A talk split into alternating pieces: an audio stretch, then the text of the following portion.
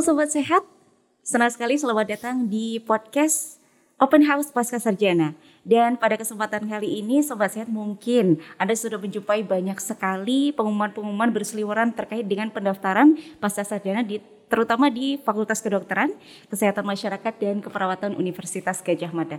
Dan kali ini di Open House Series di podcast kali ini kami akan menemani Anda untuk main-main di setiap prodi-prodi S2 yang ada di Fakultas Kedokteran, Kesehatan Masyarakat dan Keperawatan Universitas Gajah Mada. Dan juga Anda bisa menikmati podcast kali ini di YouTube channelnya FKKMK UGM Official dan juga di Spotify kami di Radio Indonesia Sehat atau Raisa.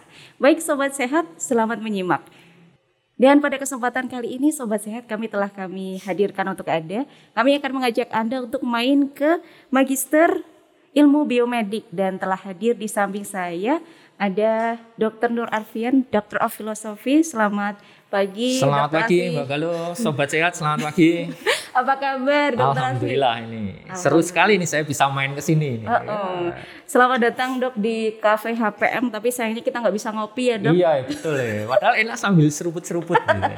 Nanti nunggu azan dulu begitu ya dok ya. Dan mungkin kali ini Sobat Sehat sudah pada apa ya banyak Uh, menjumpai pengumuman-pengumuman nih Betul, dok di ya. sosial media terkait dengan pendaftaran pasca sarjana yang saat ini sudah mulai bermunculan. Nah mungkin ada sobat sehat yang di rumah nih uh, dok Ya. Kalau misalkan mau daftar S2 ini menurut Dokter Arfi sebagai ketua program studi Magister Ilmu Biomedik nih apa saja sih yang perlu dipersiapkan? Wah, ini seru sekali ya. Saya itu sering mengistilahkan uh, eh, S2 itu seperti kalau dalam cerita komik ya. Sorry ya, saya banyak baca komik soalnya. Naruto atau One Piece itu kan komik yang sangat terkenal. Dan di situ ada skip 2 tahun. Ya, skip 2 tahun itu dipakai si Naruto atau Luffy dari One Piece itu untuk belajar kembali. Ya, jadi dia mempelajari teknik khusus gitu ya kalau si Luffy ya dia mempelajari haki. Wah, seru ya. Ya, dan dan makanya uh, eh, S2 itu sebenarnya memang lebih spesifik daripada S1. Mm-hmm. Katakanlah di S1 uh, eh, kedokteran mm-hmm. atau keperawatan atau gizi gitu ya atau teman-teman yang dari sains, mm-hmm. uh, eh, KG, kedokteran gigi, kedokteran hewan, uh, biologi. Itu kan kita uh, bisa masuk yang tertarik ke ilmu ilmu biomedik itu bisa masuk dan mendalami ke arah situ. Mm-hmm. Dan nanti di di apa itu di prodi juga akan ada peminatan-peminatan. Mm -hmm. Nah, makanya syarat yang pertama tentu saja harus tertarik. Tertarik, nah, tertarik sama keilmuannya. Mm -hmm. Karena ya tadi S2 itu lebih lebih mengerucut daripada S1. Uh -huh. Nah, setelah itu bagaimanapun kita tetap harus siap gitu kan. Mm -hmm. Belajar itu kan harus tetap siap. Yeah. Jadi siap fisik, mental, dua mm -hmm. yang itu dibuktikan dengan mendaftar.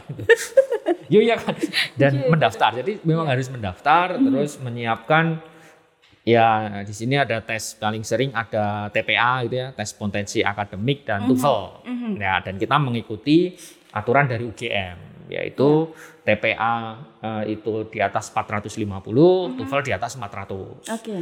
Ya sebenarnya FKKMK itu ada syarat yang lebih lebih tinggi lagi mm-hmm. yaitu uh, TOEFL itu 450, yeah. TPA 500. Mm-hmm. Tapi kita masih mengikuti syarat uh, yang dari UGM. Oke. Okay. Ya. Jadi Baik. itu Mbak. Jadi mm-hmm. memang harus siap tertarik. Yang kedua memang syarat-syarat yang ada harus di ya dipenuhi terutama okay. adalah dua tes itu. Oke, okay, baik. Ya. Siap dan juga tertarik. Yang kesiapan tadi hmm. atau tertarik tadi, kita juga harus mengetahui diri kita ya, Dok ya, apakah kita betul-betul tertarik terutama di Magister Ilmu Biomedik Betul. ini ya, Dok ya. Setuju sekali, Mbak. Nah, kalau seperti itu, Dok, mungkin ada sobat sehat yang di rumah yang penasaran nih, Magister Ilmu Biomedik ini berbicara tentang apa, Dok? Ya, jadi Magister Ilmu Biomedik itu uh, eh, MIB ya, bukan Man in Black. bukan, bukan Man in Black. Ya. MIB ya, kita kepanjangannya MIB. Dulu namanya adalah Ilmu Kedokteran Dasar dan Biomedis. Okay. Ya, jadi kita memang uh, berfokus pada ilmu-ilmu kedokteran preklinik ya namanya ya, mulai dari anatomi, uh-huh. histologi, fisiologi, farmakologi, uh-huh. parasitologi, terus biokimia. Uh, terus ditambah lagi ada kedokteran molekuler dan reproduksi manusia. Jadi uh, dan di situ uh, apa ya klaster biomedik itu kan tidak hanya di kedokteran saja. Jadi itu meluas ke tetangga kita farmasi, itu ah. uh, kedokteran gigi, hmm. teman-teman dari kedokteran gigi atau higien mulut itu juga bisa masuk. Terus uh, kedokteran hewan, uh, biologi ataupun pendidikan biologi, kimia itu juga bisa karena masuk ke nanti ke masuk ke biokimia, hmm. ya. Terus eh, keperawatan, nah, teman-teman keperawatan, bidan, kebidanan, eh, fisioterapi itu kan sebenarnya masuk ke dalam ranah biomedik. Jadi berbagai macam ranah ilmu itu yang lebih fokus pada ilmu eh, yang mendasari medik ya, ke- kedokteran katakanlah dan kesehatan itu bisa masuk. Jadi biomedik ya ilmu yang yang menjadi dasar untuk pengembangan ilmu kedokteran dan ilmu kesehatan. Yang mendasari, Ya. artinya eh, eh, dasar itu semuanya harus dipelajari. Apakah tadi seperti ya parasitologi, ada Betul. juga Hmm. yang histologi itu menjadi minat-minat yang ada dok di sana. Iya benar, karena eh, nanti mahasiswa masuk itu dia akan belajar biomedik secara umum katakanlah. Itu di semester pertama Di tuh semester pertama, di semester pertama. Jadi eh, misalnya kita masuk eh, 40 atau 50 mahasiswa, dia akan masuk jadi satu kelas. Ah, nggih. Nah semester kedua itu baru masuk ke peminatan. Oh. Ya kita biasanya nyebutnya itu adalah fase 2, spesialisasi atau peminatan. Fase 1 adalah konsep dasar biomedik. Mhm. Ya teman-teman nanti akan belajar tentang ya biologi manusia, ya sistem sistem-sistem yang bekerja di manusia, genetika, imunologi itu itu akan dipelajari di situ, termasuk statistik kedokteran dan juga metodologi penelitian. Terus eh, teknik riset dasar itu juga juga akan pelajari di situ. Habis itu baru ke peminatan yang saya sebutkan tadi ada delapan peminatan yang kita punya. Apa apa aja tadi dok? Yang pertama adalah anatomi. Anatomi. Anatomi. Yang kedua adalah histologi. Mhm. Eh, yang ketiga adalah biokimia. Mhm. Biokimia. Terus yang keempat fisiologi. Mhm. Yang kelima farmakologi. Parasitologi.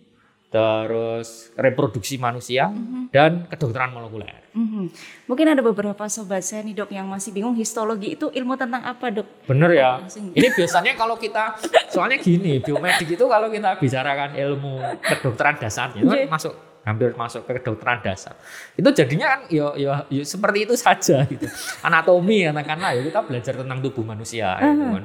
Iya. Tapi jangan salah kita juga mempelajari cinta gitu. Cinta dari mata turun ke hati. Nah, kita pernah melihat saluran dari Oh, mata ke gitu. ternyata nggak ada. Yang ada dari mata ke hidung, air mata. Ya. Nah, misalnya histologi. Histologi kan ilmu tentang jaringan. Jaringan. Ya, tetapi eh, teman-teman dari histologi pengembangannya tidak hanya tentang jaringan saja. Mhm. Ya, mereka mengembangkan tentang cancer. Oh. Ya, cancer terus bahkan eh, Bu Dewi itu membuat apa itu kit untuk nasofaring cancer misalnya. Nah, itu kan pengembangan ke arah biomarker. Ya, mereka juga belajar tentang imunologi, misalnya. imunologi tumor, imunologi cancer, eh, imunologi yang terkait penyakit infeksi. Ya, sekarang kan eh, dengan adanya COVID ini imunologi sangat sangat dibutuhkan untuk berbagai macam institusi. Jadi di sini kalau kita lihat eh, teman-teman yang yang ada di kedokteran dasar itu tidak hanya mengembangkan ilmunya saja, juga kita mengembangkan penelitian-penelitian yang terkait di dalamnya. Mhm. Jadi eh, fokus riset katakanlah, fokus risetnya banyak sekali. Ya, eh, misalnya tadi eh, parasitologi, gitu ya, ya nggak cuman belajar tentang amuba gitu kan, tapi ada kepanjangannya amuba, agak mudah baper itu. Enggak. Tapi juga belajar tentang malaria dan dan iya. banyak sekali penelitian-penelitian yang yang tentang surveillance malaria gitu atau demam berdarah itu dilakukan bahkan sampai Ambon, sampai Nusa Tenggara Timur itu teman-teman dari dari parasitologi, gitu. anatomi gitu. Eh, anatomi kita juga mengembangkan eh, yang eh, molekuler. Molekuler kita juga mengembangkan jangan hanya anatomi otot saja atau otak itu enggak. Kita kita belajar juga pengembangan ke arah molekuler, ke penyakit-penyakit metabolik, Iya. gagal ginjal, eh, cedera eh, serangan jantung atau stroke itu kita bikin model-model hewan cobanya. Jadi kemasannya seru lah Ya. Kemasan. Mas saya jadi dasar tetapi juga belajar tentang aplikasinya begitu Betul, ya dok ya. ya. Nah tadi menyinggung soal eh, dokter Arfi tadi menjelaskan di awal di semester awal nih sobat sehat mungkin yang kuliah di ilmu biomedik akan eh, mempelajari semuanya terlebih dahulu. Betul, ya. Setelah itu di semester selanjutnya itu akan ada peminatan. Peminatan. Nah kalau misal nih Ya. dok, kalau di awal itu kan kita mengenal diri kita kira-kira Hmm. minatku di mana. Belum ketemu itu gimana dok? Sebenarnya nanti ya sobatnya jangan nggak usah khawatir gitu. Kita nanti ya, teman-teman akan ya seiring dalam enam bulan di tahun per- eh, di semester satu itu Iya. akan banyak interaksi dengan dosen. Ah. Ya akan banyak interaksi dengan dosen. Memang sekarang agak berubah mbak. Iya. Dulu itu eh, teman-teman yang masuk ke IKD ya, itu namanya IKD Ilmu Kedokteran Dasar dan Biomedis tahun 2017 itu diganti karena ada nomenklatur dari Dikti itu terus diganti dengan Magister Ilmu Biomedik. Mhm. Nah, itu itu hampir seluruh Indonesia yang ada nama biomedisnya itu jadi itu Magister Ilmu Biomedis. Nah, eh, di satu satu semester pertama itu akan banyak interaksi dengan dengan dosen, dengan kakak kelas, gitu. saling membandingkan gitu. Eh, kalau di sana nggak nggak enak, di sini enak. kan sering ya, pasti mahasiswa seperti jadi santai saja. Ya, teman-teman eh, di awal memang akan ada penjurusan ya. Misalnya Oke. saya saya mau mau masuk nih ke minat dulu ke biomedik gitu, ke MIB gitu. Iya. Memang akan memilih salah satu minat. Hmm. Misalnya aku akan masuk ke anatomi dulu gitu. Iya. Ah, entah entah karena dari orang tuanya atau memang mau bekerja di institusinya butuh anatomi. Tetapi dalam perkembangannya boleh untuk berubah. Hmm. Ya, boleh untuk berubah. Hmm. Ya, jadi eh, misalnya saya masuk semester 1 gitu toh. Aku pertama ini minatnya anatomi gitu. Iya. Tapi seiring berjalannya waktu, entah ada perubahan tempat kerja, itu boleh berubah. Ya sampai di awal semester 2, di akhir semester 1. Nah, akhir semester 1 itu teman-teman harus menentukan memang, aku mau ke mana. Mhm. Ya, minatnya ke mana. Jadi galau itu harus bisa dialami di semester-semester sebelum akhir semester 1 ya. Iya, galau itu lumrah ya, wajar ya. ya. Misalnya teman-teman galau, dosennya juga galau. Wah, ini minatku ada atau tidak gitu. Oh, Tapi oke. santai saja, walaupun satu mahasiswa di tiap minat, kita tetap jalan. Oh, begitu. Iya benar. Kadang di, di Nggak banyak yang seperti ini oh, loh, Nggak Dok. banyak, nggak Jadi- banyak. Iya. Jadi kalau kalau yang yang lain ya, kita nggak ngomongin yang lain juga nih. Iya. Ya yang lain tuh kadang kalau muridnya cuma satu terus digabungkan ke minat yang lain. Iya. Kita enggak. Iya. Nah, misalnya saya, saya saya juga dosen di minat anatomi ya. Pernah kita muridnya satu gitu. Itu rasanya seperti apa, Dok? yang ngajari seperti anaknya itu. Privat gitu. Apalagi dia penakut gitu. ya anatomi kan memang ya belajarnya seperti itu kan dengan tubuh manusia gitu kan. Ya, dia penakut itu. Ya wes yo piye meneh ya.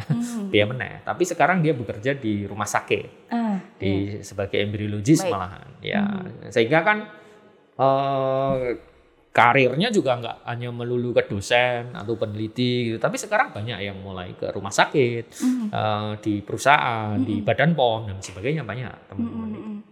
Ya sehingga santai saja walaupun satu mahasiswa kita tetap insya Allah kita akan tetap eh, melaksanakan perkuliahan itu. Mm-mm. Ya sering kok reproduksi manusia itu pernah satu. Ya itu tetap kita kita jalankan. Ya alhamdulillah kita punya modal lah. Wah punya modal. kita bisa lah, kita bisa. Oke baik, jadi sobat saya jangan khawatir ya. Kadang kala kalau misalkan minatnya satu, terus dijadikan satu, artinya kayak eh, apakah ketertarikanku harus dipaksakan menuju ke sini gitu? Nah, Padahal betul, ya. tidak ya dok, Tidak, ya tidak. apa-apa. Monggo Tidak silahkan ya. apa-apa. Eh, satu satu mahasiswa untuk satu minat itu pernah dan insya Allah kita akan tetap konsisten untuk melaksanakan.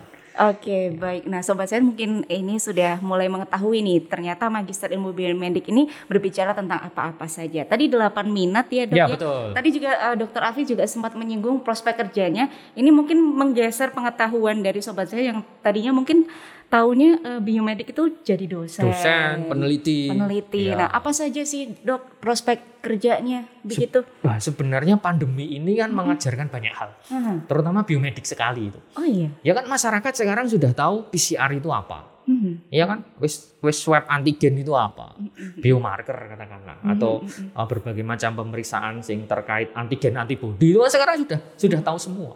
Sehingga uh, kita lihat ini juga potensi buat pengembangan biomedik sendiri.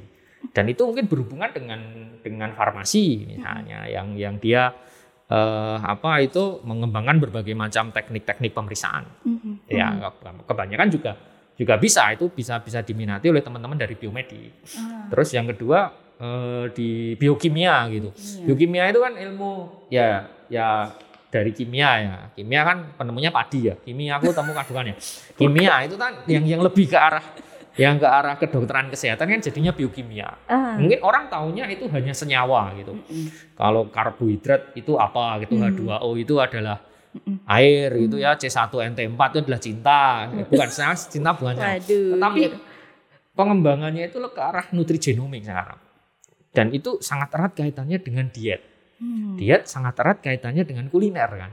Iya. Nah, nah itu itu bisa bisa bisa jadi ini sekali ya potensi bisnis juga. Hmm. Ya, jadi teman-teman yang dari gizi itu ah, banyak kita punya murid yang dari gizi mengembangkan kuliner lebih lanjut ke arah nutrigenomik mana yang bagus, mana yang enggak Mhm. dilihat dari aspek apa ya biokim dan biologi molekulernya itu bisa ya bisa sekali. Jadi terus sekarang yang ke rumah sakit itu juga banyak atau Hmm. eh, teman-teman yang yang lulusan biomedik terus ngambil klinis. Mm-mm. ya karena itu akan memperkuat.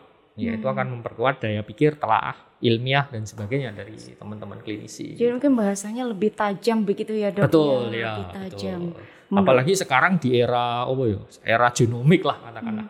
Mhm. sekarang kan jadinya era genomik. Hmm, Oke baik. Menarik sekali ya sobat sehat. Tadi dari mungkin sobat sehat mendengarkan atau menyimak eh, Dokter Afi dari tadi menuturkan aduh guyang guyu gitu ya ketawa ketiwi. Nah ini mungkin eh, jadi kita tahu apakah suasana di Magister Ilmu Biomedik itu juga menyenangkan kuliahnya dok? Apa Ya. yang menyenangkan dari kadang kuliah? menyenangkan kadang enggak ya ya ya namanya kuliah ya namanya kuliah ya namanya tapi eh, eh, kita sekarang eh, dengan kita sekarang mencoba untuk membuat ya kita membuat suasana akademik itu lebih terbangun. Hmm, ya jadi ma- mahasiswa stres lah ya maksudnya punya tekanan yang tinggi lah. Eh, mata kuliah dasar umum itu 17 SKS gitu. Terus nanti di peminatan itu 17 sampai 20 SKS belum tadi melaksanakan tesis gitu. Nah itu kan dalam waktu dua tahun yang relatif singkat. Ya eh, teman-teman bisa lulus satu setengah tahun gitu dalam arti tiga semester itu sudah bisa lulus ya banyak kok yang lulus tiga semester itu banyak atau maksimal enam semester ya itu biar tidak terlalu berat itu kita bangun juga atmosfer atmosfer pembelajaran yang menyenangkan Contohnya Ya, seperti apa? Dok? contohnya kita membuat workshop workshop soft skill. Soft skill itu kita bikin ya antara semester 1 dan semester 2. Mhm. Terus kita juga bikin basic teaching.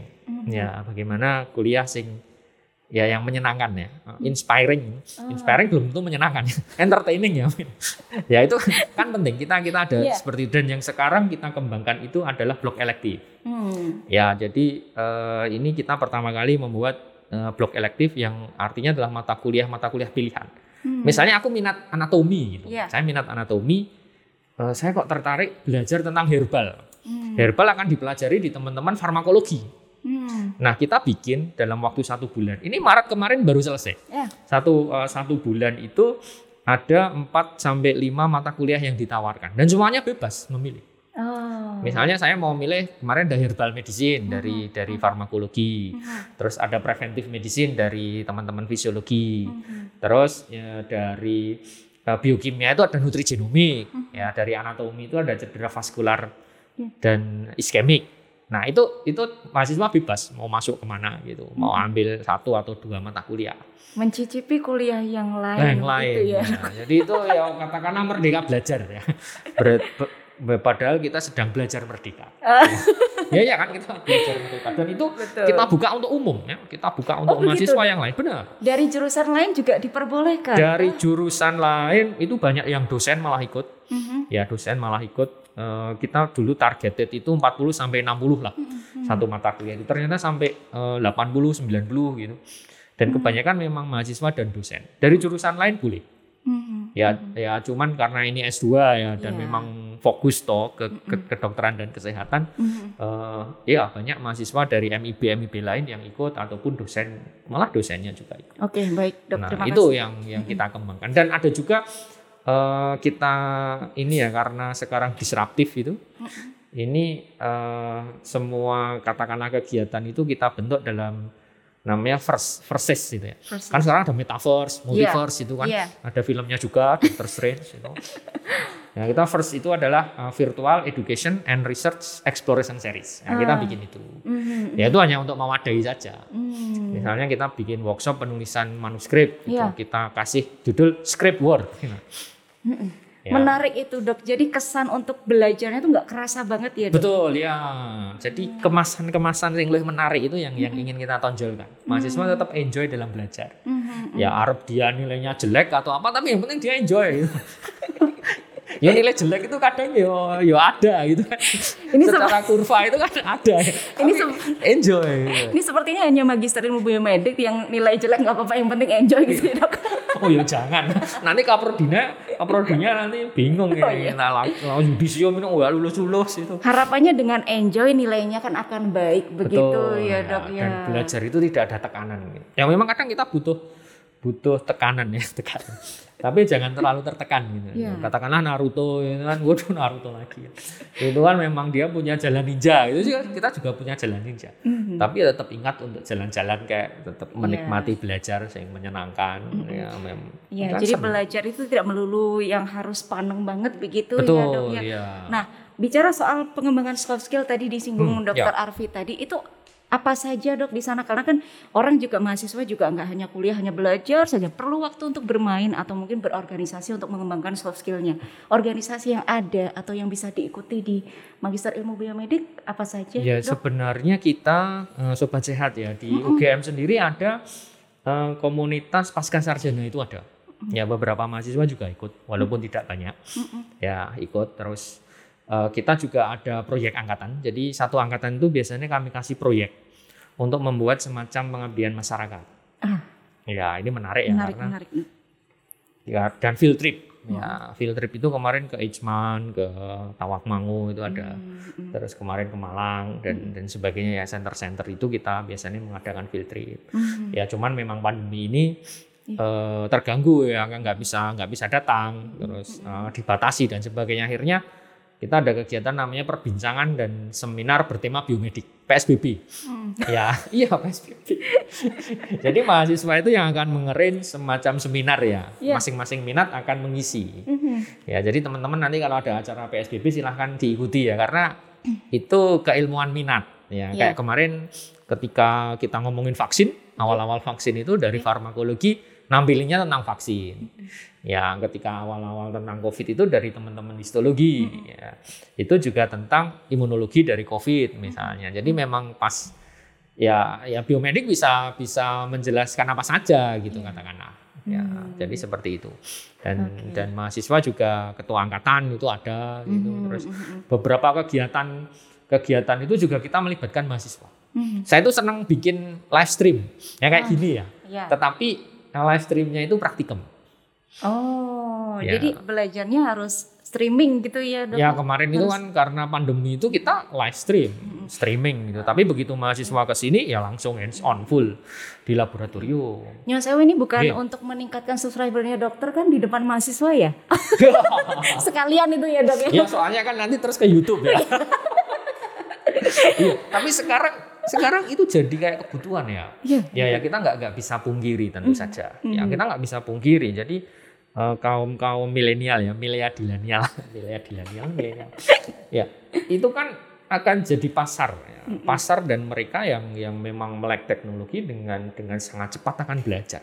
Nah kadang prodi atau yang sebagai institusi pendidikan katakanlah itu juga bisa harus adaptasi. Kita menghadapi masyarakat yang seperti itu, tapi kita masih menggunakan cara-cara yang model lama katakanlah nyebar leaflet, uh, cetak buku itu kan ya ya sekarang kurang relevan ya. Iya, kita bikin kegiatan-kegiatan yang yang fun misalnya. Blok elektif itu juga seperti itu, Mbak. Jadi eh, kemarin eh, ada praktikumnya. Mm-mm. Praktikumnya itu mahasiswa kita praktek hands on, full di laboratorium. Hmm. Tapi sebagai ujiannya, ujiannya mereka harus ini live stream. Mereka bikin live stream yang ditonton oleh peserta yang dari luar itu. Oh, jadi membuat acara sendiri begitu? Betul, ya. Mereka akan misalnya eh, kemarin membuat model stroke gitu. Stroke itu kan arteri karotis itu bisa diklaim ya. Diklaim itu dijepit. Mhm. Ya ini nyuwun ngapunten ya eksperimen di hewan coba ya itu di nanti jadi stroke is- iskemik gitu. Oh. Mahasiswa berlatih itu. Hmm. Setelah itu satu minggu kemudian kita bikinkan acara yang dia akan ini melakukan dan ditonton oleh yang semuanya itu. Jadi live stream. Iya, Nggak mudah itu dok. Nggak mudah. Sekalian juga melatih soft skill untuk berbicara juga ya. Betul dan pede gitu kan. Iya. Pede betul. Ya kadang kalau saya datang saya komen ini salah Di depan kurang ajar ya kurang ajar Ini menarik sekali nih sobat sehat bahwasanya pembelajaran yang menyenangkan juga akan Anda temui di Magister Ilmu Biomedik. Di sana ada ini nggak sih dok? Eh, Dokter Alfi ini kan komika ya? Wow, komika. Dari tadi Anda mungkin sudah merasakan punchline punchline-nya itu Punchline, udah punchline. setiap Wah. setiap menit. Nah, apakah ada komunitas stand up gitu dok di sana? Wah, belum ada ya. Belum ada. Saya itu ya mungkin cuman karena kepepet ya. karena gini ya. Saya kan dosen. Ya, Dosen berhadapan dengan mahasiswa. ya. Mesti kan kita ada gap informasi ya. Apalagi kita akan me, apa itu mengajar mungkin as topik-topik yang mungkin mahasiswanya juga belum dong gitu. Kita punya pengetahuan di situ, mahasiswa tidak punya. Jadi gapnya kan besar sekali. Jadi salah satu yang bisa masuk itu adalah dengan itu tadi. Oh. Ya, dengan ngomongin Naruto, Hmm. ngomongin One Piece itu atau ngomongin apa saja. Itu kan untuk memasukkan materi ya. Oh, menarik ya. Ini ini metode yang Dokter Alfi gunakan sendiri tentu ya dok ya. Saya guna ya ya kadang saya gunakan saja lah. Jadi masih menyisipkan humor-humor gitu Betul ya. ya. Dok, Kadang malah susahnya itu bikin humornya daripada bikin kuliahnya. Bukan kuliahnya. nah dok tadi sudah mungkin eh, sobat saya juga mulai tertarik nih untuk belajar tentang ilmu biomedik. Kuota pendaftarannya di Ya, sana kita itu tiap tahun itu berapa? maksimal 60. 60. Iya, 60.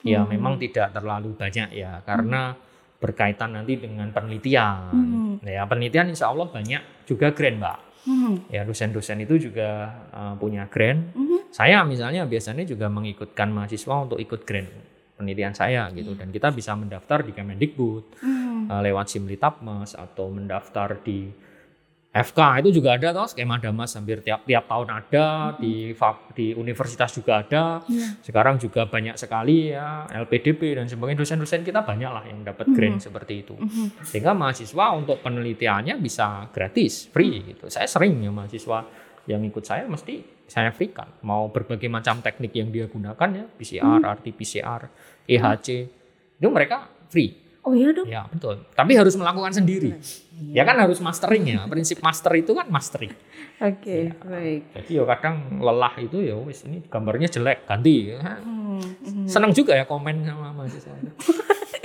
Ternyata ini eh, suara hati seorang dosen ya, sobat sehat.